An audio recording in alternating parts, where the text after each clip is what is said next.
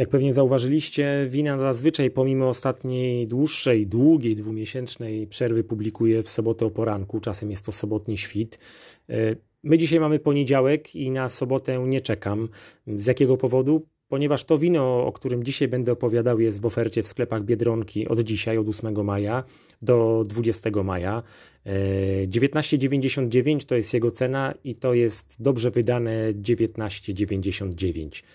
Bardzo dobry wybór na nadchodzące, coraz cieplejsze dni. Z tymi cieplejszymi dniami jestem e, za pan brat. Jestem na bieżąco. Pogodę śledzę już od połowy marca. E, czekam, kiedy będzie można wyjechać na motocykl, ale na takie wyjechanie, żeby faktycznie cieszyć się jazdą, nie myśleć o tym, jak się marznie i nie gdybać, co by to było, jakbym się lepiej czuł, gdybym został, został w domu. Mm, też z odcinków e, pewnie pamiętacie, że mając wybór 4 na 5 razy sięgnę po biel, chyba że danie, które przygotowuje Ola wymaga, e, wymaga czerwieni. E, jeśli za oknem jest siarczysty mróz, pewnie też sięgnę po czerwień, po czerwień, chociaż zawsze mówię, że beczkowe Chardonnay z Kalifornii jest dobre na wszystko. Na zimowe wieczory też dobre, a nawet bardzo dobre. Przechodzimy do wina. Eee, po prostu przechodzimy do wina.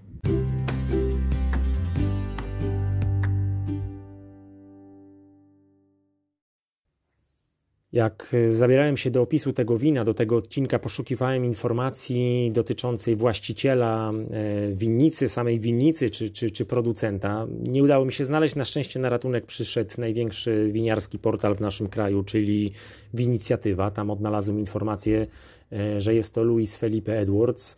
E, jest informacja na etykiecie, kto jest head winemakerem, to tak z angielska z etykiety, tam to tak faktycznie widnieje, czyli mówiąc inaczej, kto jest szefem tych, którzy to wino produkują. E, Nicolas Bizzarri, E, tak czy siak, popatrzcie jeszcze na etykietę nie z punktu widzenia head winemakera, ale jak wygląda to wino, jak wygląda ta etykieta, by móc e, łatwo znaleźć tę butelkę stojąc, stojąc w sklepie. Zdjęcie jest w okienku tego odcinka, tego, tego podcastu. Mm, to na pewno będzie pomocne. Jesteśmy w Chile. Leyda Valley to jest miejsce, które od wschodu graniczy z Maipo bardzo znane miejsce winiarskie w Chile, a od północy graniczy z Casablanca Valley, również znane miejsce. Jesteśmy w, centralnym, e, w centralnej części Chile. E, do Santiago, czyli do stolicy kraju, mamy 100 km e, w kierunku, w kierunku, w kierunku wschodnim.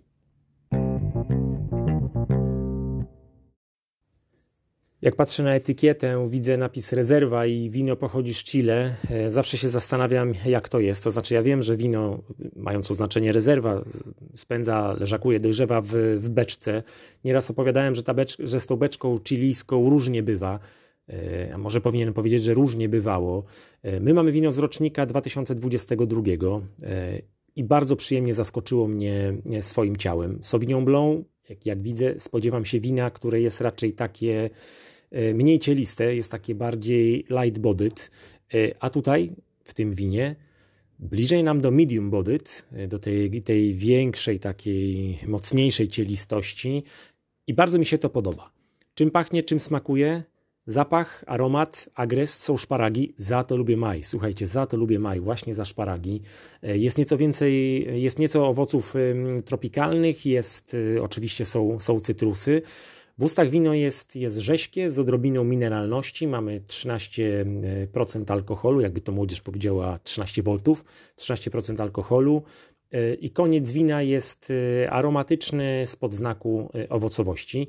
Kwasowość, jak to przy Sauvignon Blanc, wyższe rejestry, ale to dobrze, bo to wino będzie pasowało do wielu potraw.